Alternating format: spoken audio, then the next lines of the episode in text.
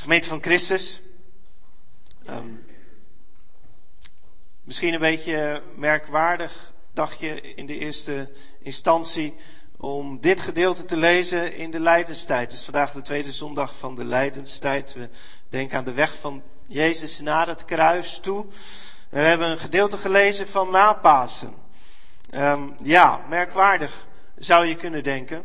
Uh, het is misschien ook wel een beetje merkwaardig, maar datgene wat Jezus hier tegen Petrus zegt, um, dat uh, zegt hij eigenlijk voor en na de kruisiging en opstanding precies hetzelfde. Ondertussen mag je even kijken naar deze plaat. Ik zal er straks nog wat over zeggen. Maar dat is een ontmoeting ook van Jezus en Petrus. Um, maar Jezus zegt eigenlijk in het evangelie voor en na de kruisiging precies hetzelfde. Hij zegt volg mij. Um, en dat betekent ook voor en na het lijden eigenlijk hetzelfde. Um, voor het lijden, we kennen allemaal denk ik wel het gedeelte dat op een gegeven moment iemand naar Jezus toekomt. Heb je wel eens van gehoord. Die zegt dan vol enthousiasme: Heer, ik zal u volgen, waar u ook heen gaat. En dan antwoordt Jezus: Van nou, weet je het wel zeker? De vossen hebben holen, de vogelen van de hemel hebben nesten, maar de zoon van de mensen heeft niets om zijn hoofd op neer te leggen. En dan waarschuwt Jezus eigenlijk al dat hem volgen, uh, dat dat uh, ook betekent je kruis op je nemen. En dan zou je kunnen zeggen, ja, na de opstanding hoeft dat niet meer, want hij is opgestaan, dan hoeven wij ook geen kruis meer te dragen. Nee, maar de opgestaande volgen betekent het kruis dragen. En daarom kunnen we eigenlijk ook in deze, laatste, deze tijd van het lijden, dacht ik het wel, hierover hebben. Jezus zegt tegen Petrus, wat gaat het jou aan? In de tekst die we hebben gelezen. Wat gaat het jou aan? Nou is dat een uh, manier van zeggen die kras is, hè? Scherp. Afwerende vraag. Misschien denk je nou, dat is ook niet echt vriendelijk van Jezus. Het is hooguit iets wat je misschien wel eens tegen een kind zegt. Jongens en meisjes hier in de kerk. Misschien zegt je vader of moeder dat nog wel eens een keer bij gelegenheid van dat gaat jou niet aan. Dat is iets voor grote mensen. Um, maar om dat nou als volwassene tegen een andere volwassene te zeggen. Wat maakt Jezus zo nors?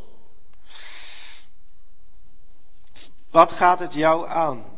Volg jij mij? Waar gaat het over? Nou, het is dus na de opstanding. Jezus en Petrus ontmoeten elkaar opnieuw. En eerst komt er dan driemaal tot die vraag, dat ontroerende gesprek. Petrus, heb je mij waarlijk lief? Hou je echt van mij?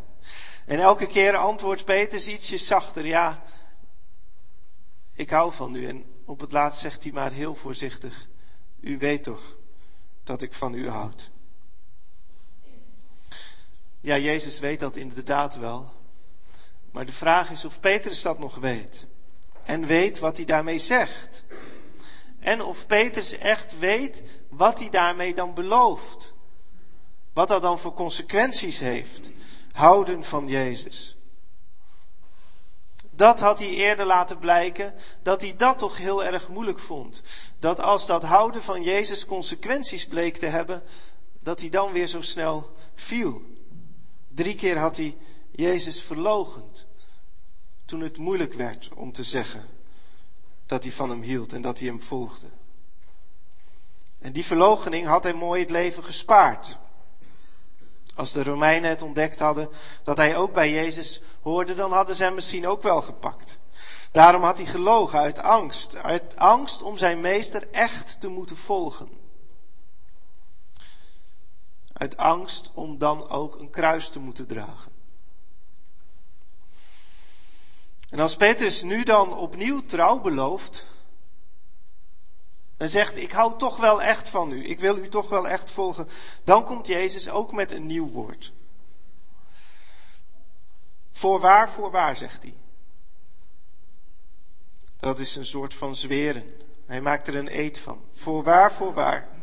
Als jij oud geworden bent, Petrus, zul je gebracht worden waar je niet heen wilt.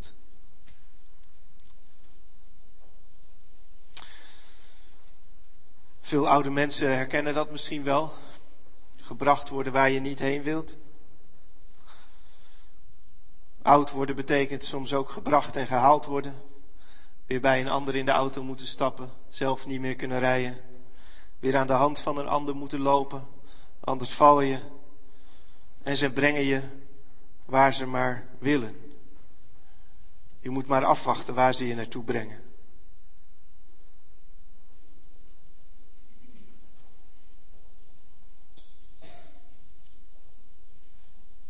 En soms moet je iemand brengen naar een plek waar je hem helemaal niet brengen wilt.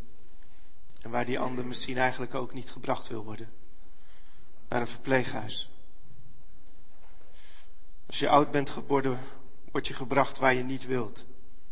Soms ziekenhuis uit, ziekenhuis in. Het leven is niet meer het leven wat je zelf in de hand hebt, wat je zelf kunt leiden, wat je zelf pas vastpakt, maar eigenlijk wat jou aan de hand neemt. Als je het zo bekijkt, lijkt Jezus hier iets van een algemene waarheid te vertellen. Die net zo goed aan een spreukenboekje met levenswijsheden kon staan. Jong zijn, dat is zelf je, je gang kunnen gaan. Oud zijn, dat is aan de hand van een ander moeten gaan.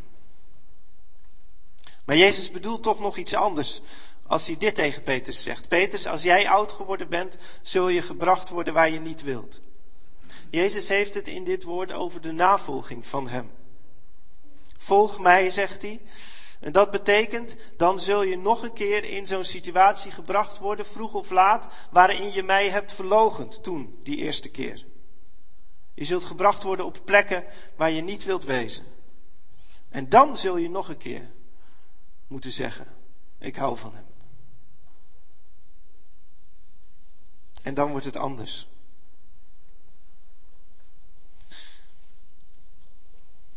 Deze week stond in de krant, misschien heeft u het ook gelezen, dat Asia Bibi weer in Nederland, uh, of eh, in Nederland is. Even om haar boek te promoten dat geschreven is over haar leven.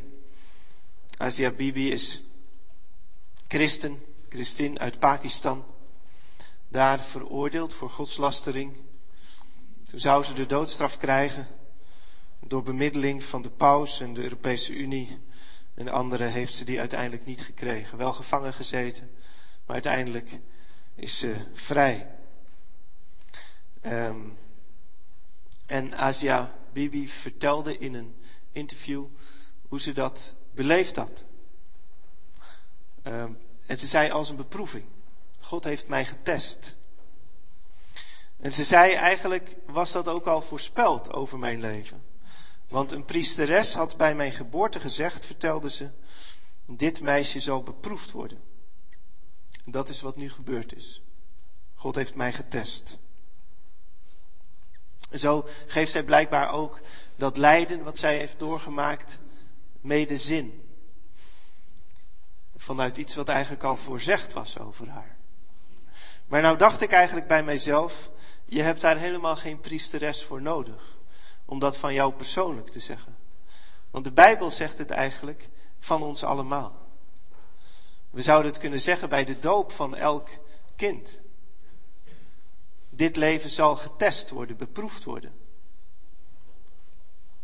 Want als je Jezus volgt, dan komt het vroeg of laat tot die momenten waarin je getest wordt.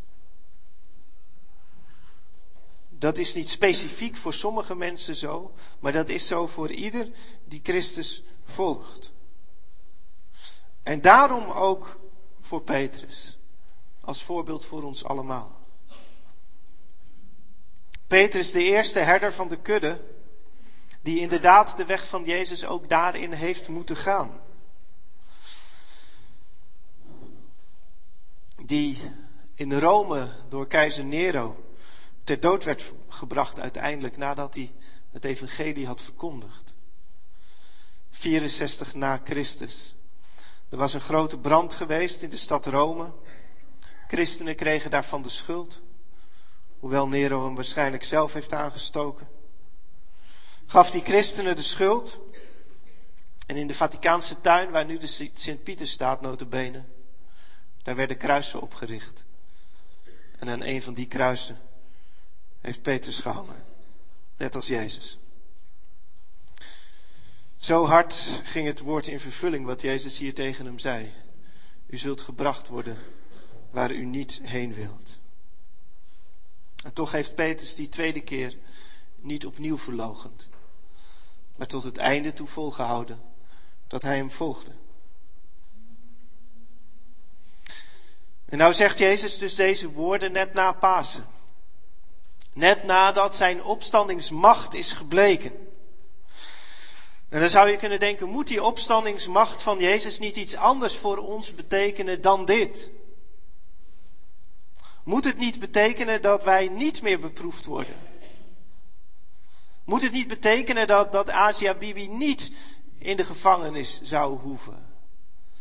Dat, je, dat God dat gebed ook, wat er van miljoenen christenen toen voor haar geweest is, op een nog veel radicalere manier zou vervullen.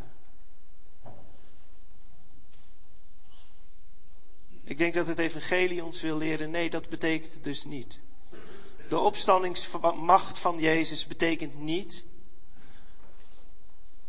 dat hij ons buiten de beproevingen houdt. Maar de opstandingsmacht van Jezus betekent dat hij ons het kruis geeft om te dragen. En dat hij ons de kracht geeft om dat kruis te dragen. Zoals God Jezus de kracht geeft, gaf om zijn kruis te dragen. U zult gebracht worden waar u niet heen wilt. Als Jezus dat zegt tegen Petrus, dan zegt hij er niet eens bij wie dat doet, hè? Hij zegt niet wie Petrus zal leiden waar hij niet heen wil. Doet Nero dat? Doen de mensen dat? Doet de Satan dat? Doet God dat? Het staat er niet bij. Zo onduidelijk kan het soms in je leven zijn. Dat er een blokkade komt, die uiteindelijk tussen jou en God instaat, en dat je niet eens weet wie het je aandoet. Zo onduidelijk kan het zijn dat zelfs God en de Satan daarin soms heel dicht bij elkaar komen te liggen. Zoals in het boek Job, wat ermee begint dat God en Satan een, een, een verbond sluiten eigenlijk over, over Job. Hoe die zal, zal mogen en moeten leiden. Want als je dan de proloog hebt gelezen, dan denk je, de Satan doet het hem aan. Maar Job zelf zegt, God doet mij dit aan.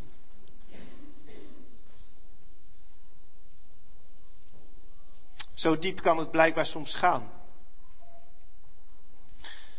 Alsof het eigenlijk ook dat zelfs niet het belangrijkste is voor ons om uit te vogelen. Wie doet het me aan?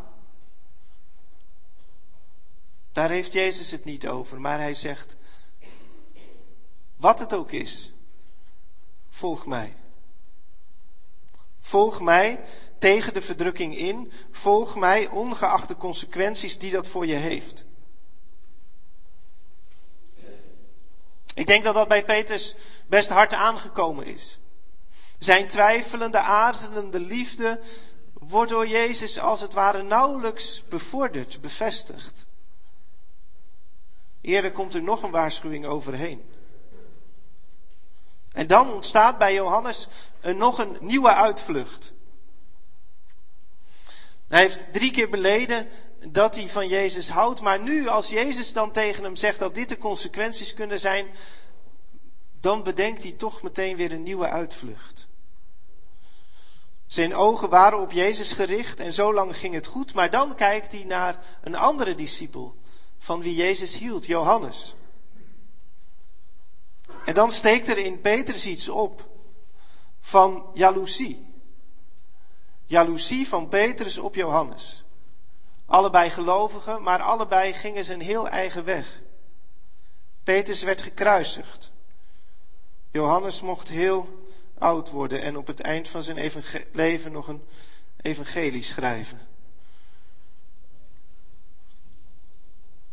Vanaf het begin van de kerk is er waarschijnlijk tussen die Petrus en die Johannes iets van concurrentie geweest. Iets van naijver en jaloezie. hints die die kant op gaan, die komen we wel vaker tegen.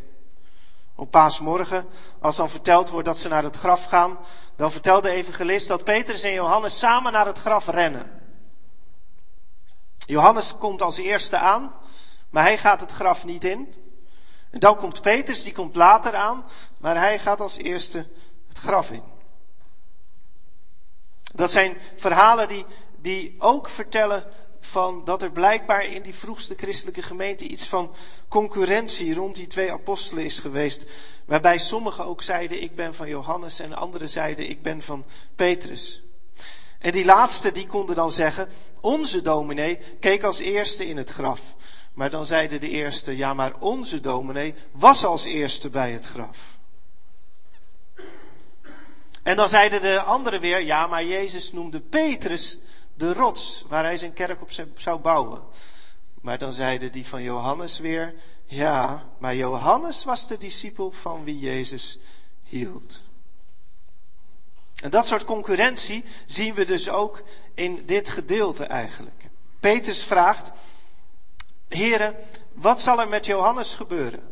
Mag hij dan soms blijven totdat u terugkomt? Zal hij dan niet geleid worden waar hij niet heen wil? En dan zegt Jezus dus, dat gaat jou niks aan. Volg jij mij.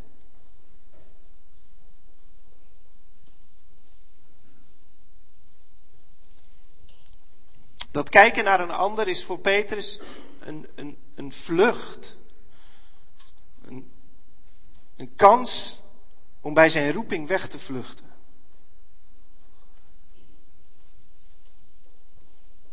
Die jaloezie dat een ander een beter lot heeft.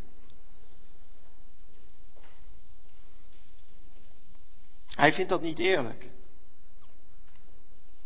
En is dat eigenlijk niet ook best wel herkenbaar? Daar ging het eigenlijk ook over in die Psalm 73 die wij lazen. We hebben nu alleen het slot gelezen. Maar die psalm gaat er eigenlijk over dat ook iemand steeds naar anderen aan het kijken is om zich heen. En die gaat het goed. Maar, maar hem gaat het niet goed. En de oneerlijkheid die hij daarin ervaart, brengt hem tot jaloezie. En die oneerlijkheid en jaloezie worden een blokkade richting God. Waardoor hij eigenlijk God niet meer volgen kan, maar struikelt en valt. En nou zit er denk ik heel erg in ons allemaal om heel erg naar andere mensen te kijken. Om jezelf daarmee dan te vergelijken. En om dan altijd iets te vinden van wat de ander wel heeft en jij niet.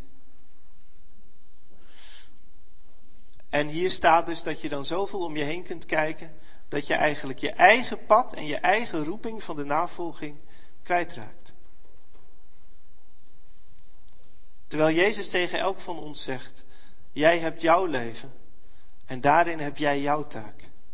En volg jij daarin nou mij op jouw manier. Als de roepstem van Jezus tot je komt, dan valt als het ware de rest van de wereld even weg.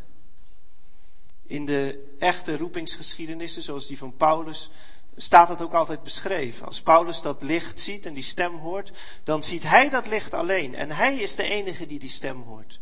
De rest van de wereld valt even helemaal weg. Als God in je leven komt, dan, dan is dat ook zo. Dan maakt Hij jou, zegt Bonheuver in zijn boek Navolging, even tot enkeling. Tot die ene om wie het gaat. En dan, dan mogen er ook geen andere dingen meer tussen jou en God instaan. Daar word je dan in die zin ook uit weggeroepen, zoals Abraham weggeroepen werd. En dat geldt dan ook voor, voor de blokkades. Die, die zullen er zijn, ja, maar dat is dus jouw leven. Dat is dus jouw manier van Jezus volgen. Loop daar ook niet voor weg. En dan komen wij deze plaat.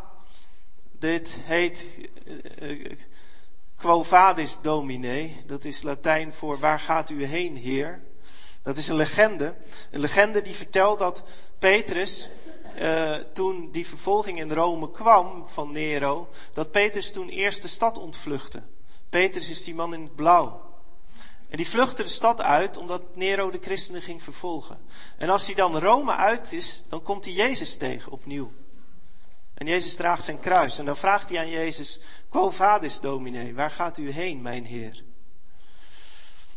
En dan zegt Jezus: Ik weet niet wat jij gaat doen, maar ik ga naar Rome om weer gekruisigd te worden. En dan draait Petrus om en gaat met zijn Heer naar Rome om gekruisigd te worden. Die legende vertelt dus eigenlijk hetzelfde als waar het in dit gedeelte om gaat. Volg mij. Niet deserteren, Petrus.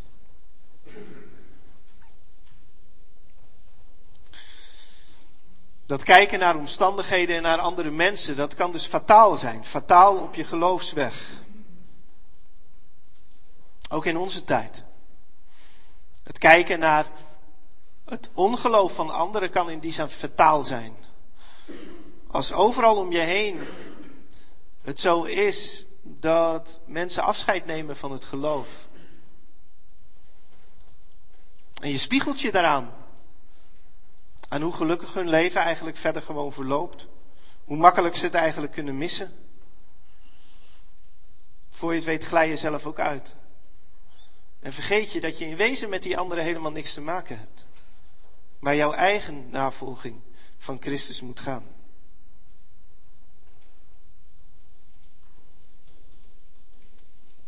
Je kunt niet ruilen met een ander, maar jij hebt dit leven gekregen en die roeping.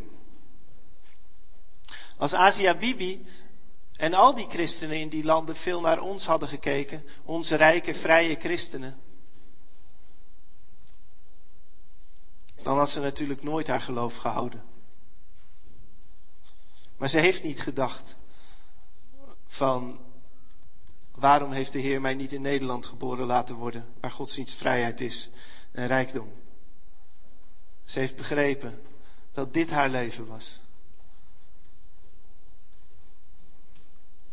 En daarom heeft het volgehouden. Dat wil natuurlijk niet zeggen dat alle ongelijkheid rechtvaardig is. Er zijn heel onrechtvaardige verschillen in de wereld. Het is bijvoorbeeld heel onrechtvaardig dat christenen in Pakistan niet vrij zijn en christenen in Nederland wel. Het is hoogst onrechtvaardig. En zo zijn er ook individueel hoogst onrechtvaardige verschillen tussen mensen. Er zit zelfs iets onrechtvaardigs in dat, dat inderdaad Petrus gekruisigd moest worden, terwijl Johannes oud mocht worden. Er zit iets onrechtvaardigs in dat de een vijf mooie kinderen krijgt en dat de ander onvruchtbaar is. Er is zoveel verschrikkelijk oneerlijk in deze wereld. En het betekent natuurlijk ook niet dat we niks moeten, niet moeten proberen iets aan die ongelijkheid te doen. Natuurlijk moeten we daaraan werken. Maar ook in het besef dat die ongelijkheid altijd zal blijven. En dat het desondanks mogelijk is, voor iedereen mogelijk is, om in zijn eigen leven, op zijn eigen manier, Jezus te volgen.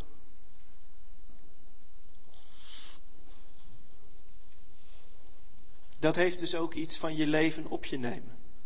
Je levenslot op je nemen.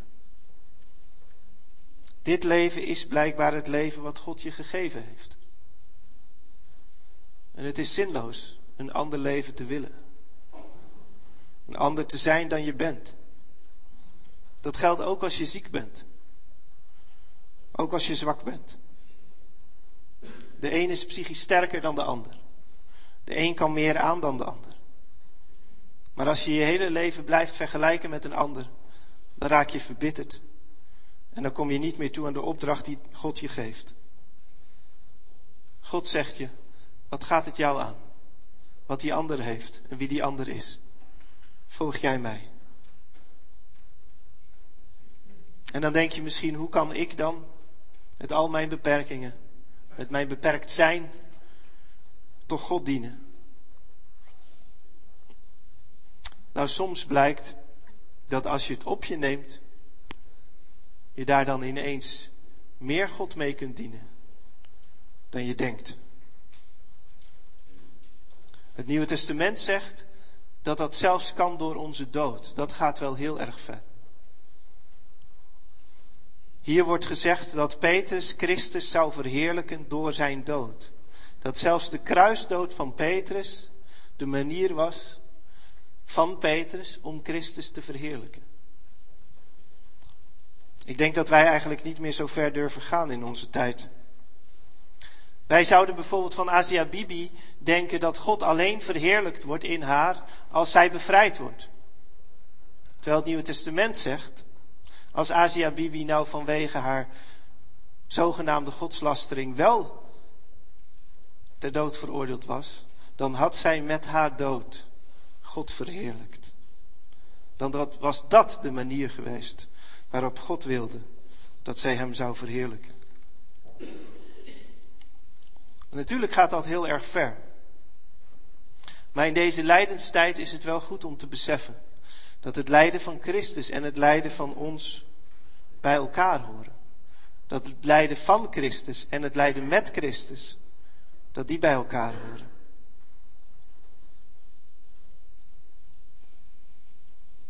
En dat wij net zoals Jezus zijn lijden niet mocht ontlopen, wij het onze ook dus niet mogen ontlopen.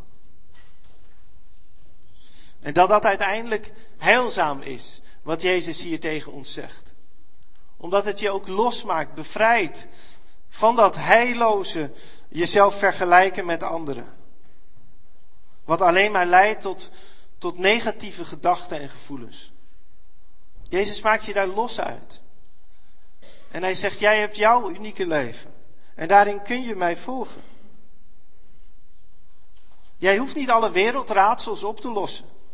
Van al die oneerlijkheid en ongelijkheid. Die zijn voor God. God regeert alle dingen. Wij zullen dat nooit allemaal doorgronden. Maar God zegt als het ware ook: laat dat grote wereldraadsel en al die oneerlijkheid, laat dat nou bij mij. Laat dat, laat dat raadsel nou gewoon bij mij. En volg jij mij. Amen.